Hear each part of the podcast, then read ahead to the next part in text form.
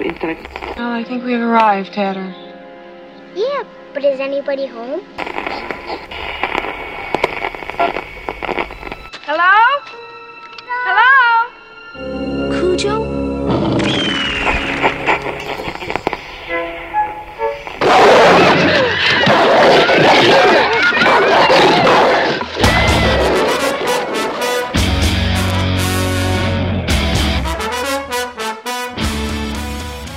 Witamy serdecznie w 184 odcinku podcastu Radio Stephen King.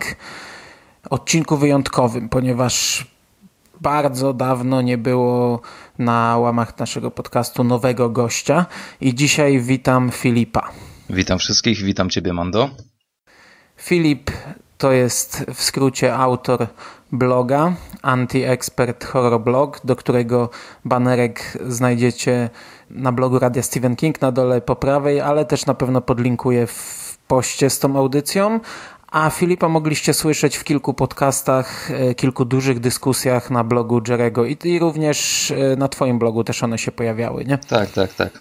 Mhm. To były rozmowy o American Horror Story, omawialiśmy z Jerem m.in. Koszmar z ulicy Wiązów i ostatnio e, omawialiśmy e, Krzyk. Krzyk.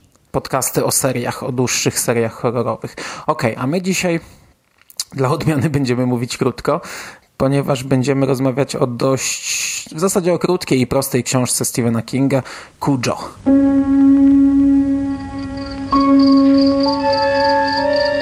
Nothing that lives in the imagination is more frightening than the terror that lives Castle Rock, Maine.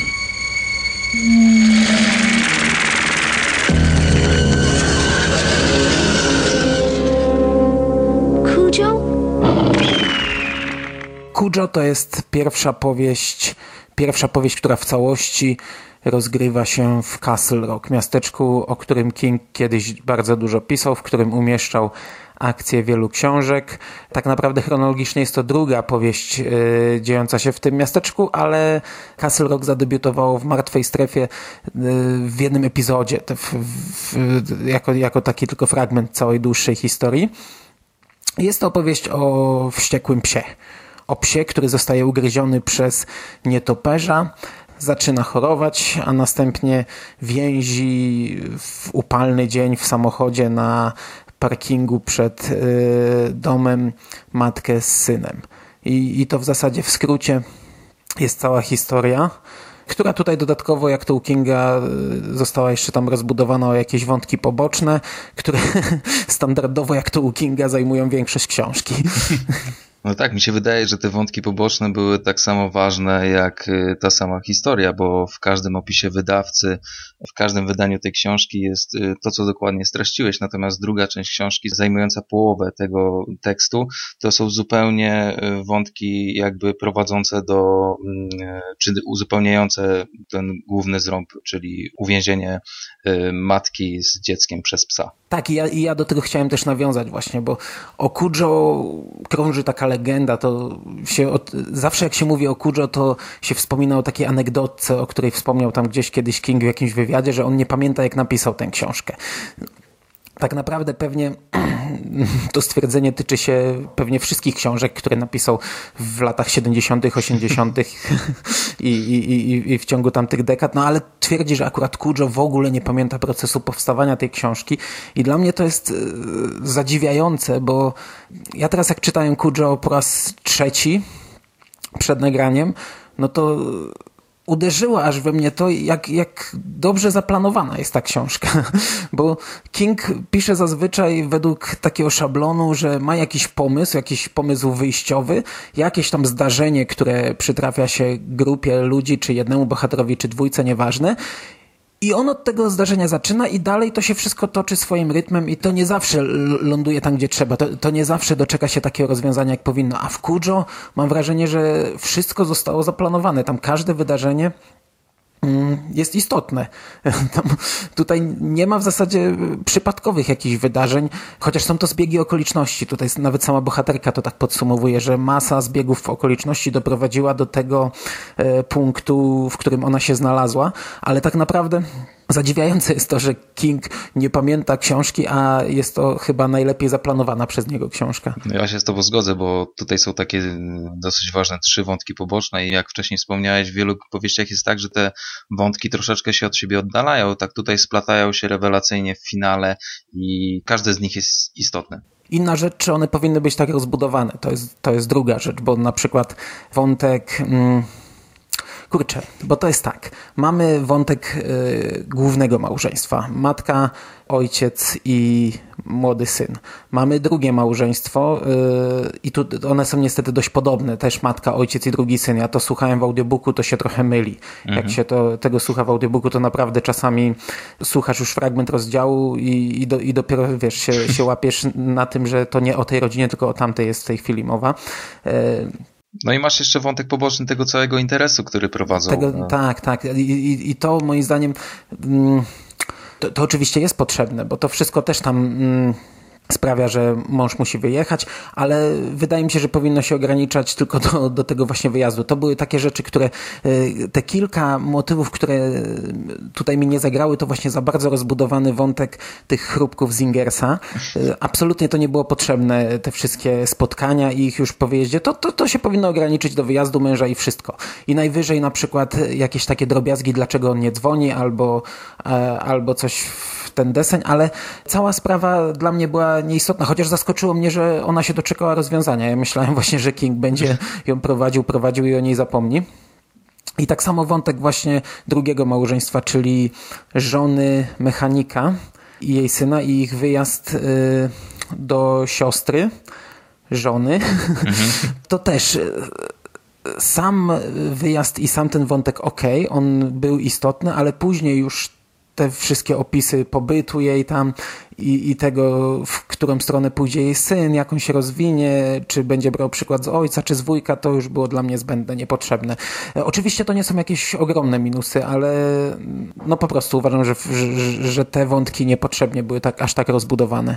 Powiem Ci tak, że ja się zgodzę z tym, że część wątków rzeczywiście powinna zostać skróconych albo przynajmniej przyciętych w jakiś sposób, bo rzeczywiście są za długie, bo jakby nie patrzeć, to tak naprawdę główna akcja zaczyna się praktycznie, jeżeli nie około dwusetnej strony, więc, a książka ma 300 kilka stron, więc to rzeczywiście są trochę przydługie wątki, natomiast ja się nie do końca z Tobą zgodzę, jeżeli chodzi o to, czy one były potrzebne, czy nie były potrzebne, bo uważam, że one były tak fajnie skonstruowane, te mm, problemy tych obu małżeństw, y, to znaczy chodzi mi o Trentonów, czyli tych głównych jakby bohaterów tej książki i Camberów, czyli właścicieli Kujo, były tak fajnie nakreślone, że mnie się to bardzo dobrze czytało i w sumie gdyby King zawęził tą akcję do powiedzmy samego tego zrębu uwięzienia matki z dzieckiem przez Kujo, to chyba bym był bardziej zawiedziony. Bardzo mi się podobała, szczerze mówiąc, ta, ta sfera taka obyczajowa. A powiem Ci dlaczego, bo jak pierwszy raz w ogóle czytałem Kujo, a to było chyba w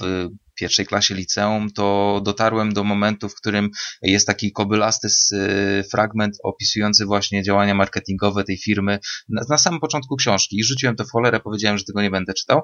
Natomiast y, później, jak już y, byłem troszeczkę starszy i mądrzejszy, to chwyciłem tą książkę po raz drugi i te wszystkie wątki, o których jest mowa w książce, one mi się złożyły w taki obraz, nie wiem jak to nazwać, y, takiej takiego syfu prowincji amerykańskiej, takiej brudnej prowincji.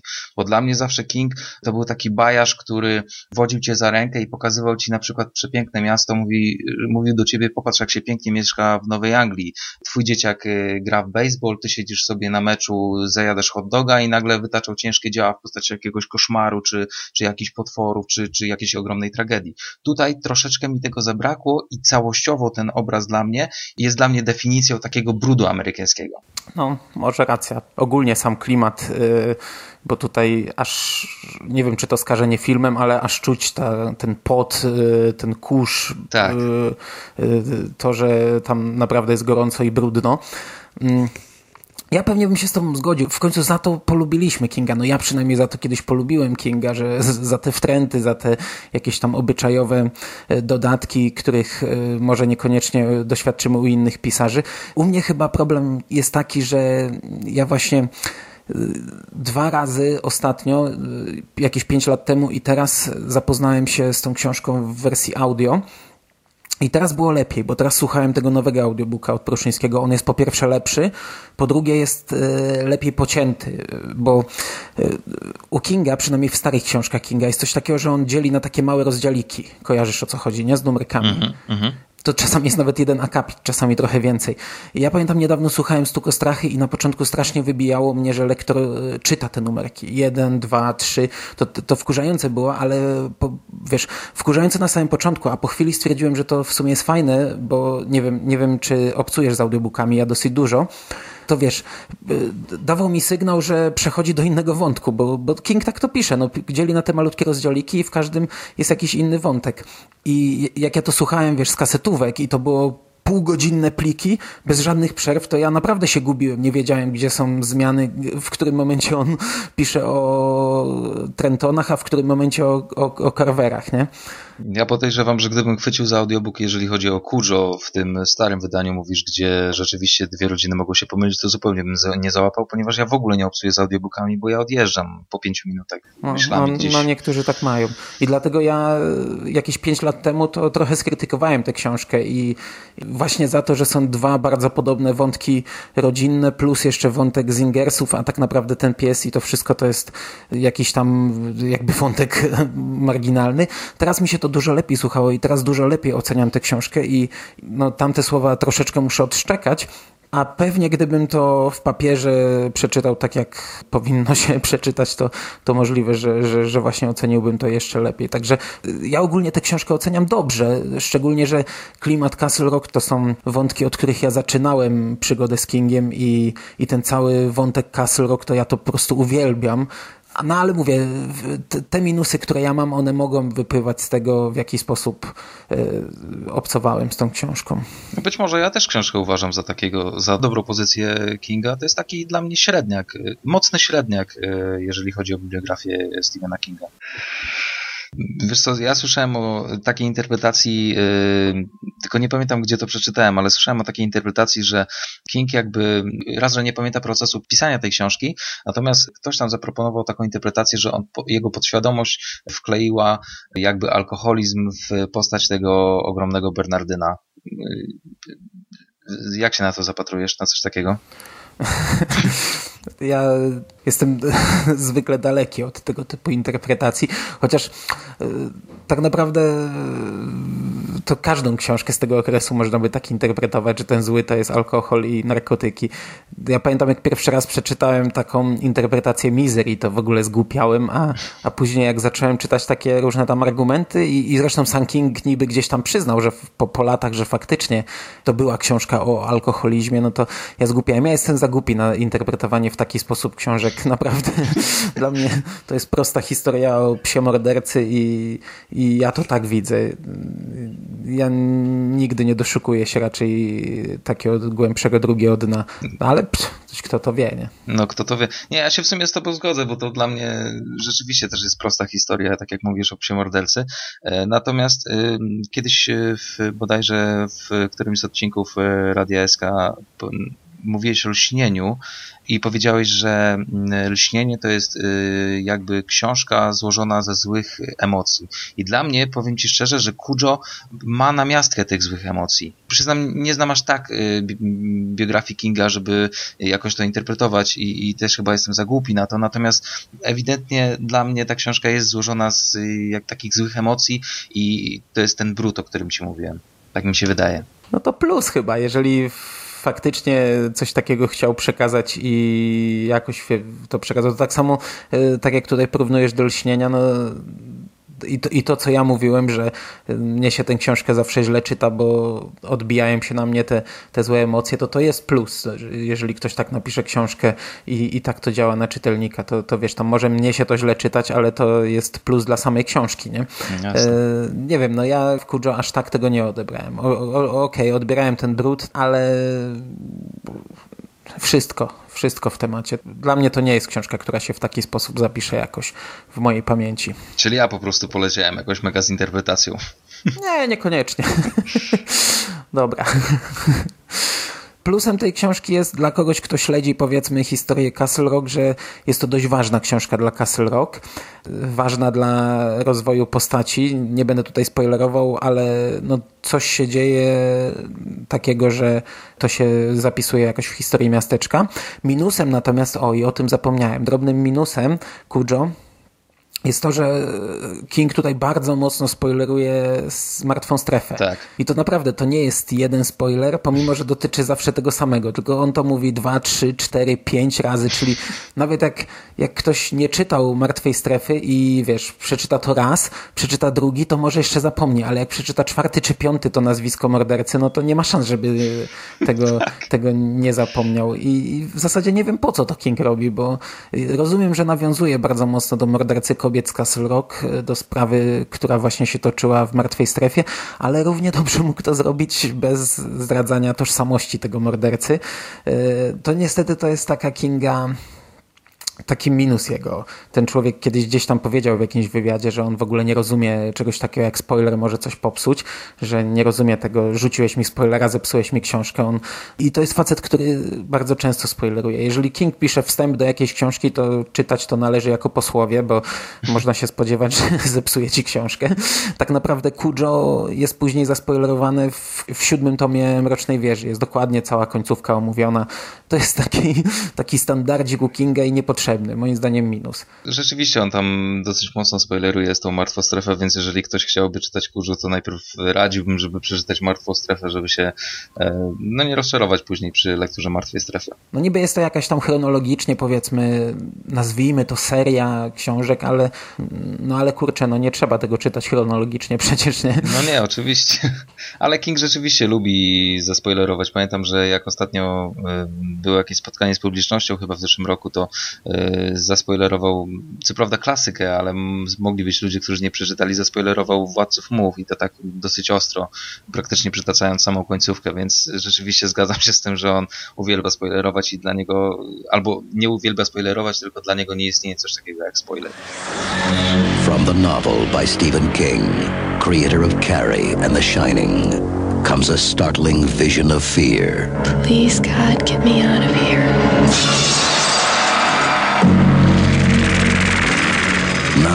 There's a new name for terror.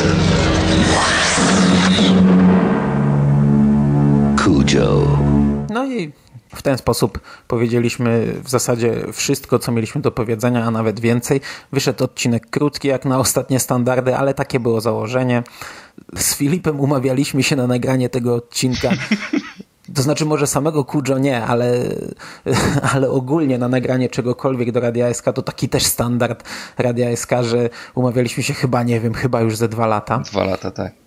E, no i wyszło nam 20 minut na początek, ale mam nadzieję, że na tym nie poprzestaniemy i że jeszcze będziecie można kiedyś usłyszeć na łamach Radia Stephen King. Ja też mam taką nadzieję. W końcu za następne 10 lat jest y, okrągła rocznica 50. wydania Kerry, więc będzie okazja.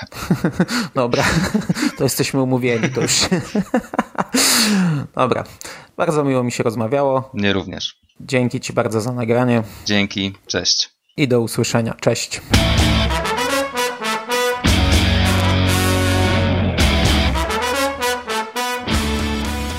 A już za tydzień w następnym odcinku radia Stephen King.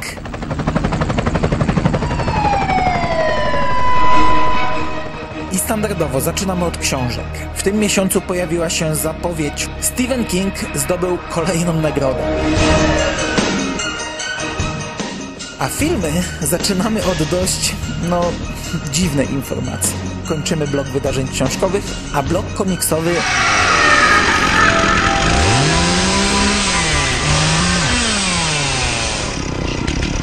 Wiadomości z martwej strefy.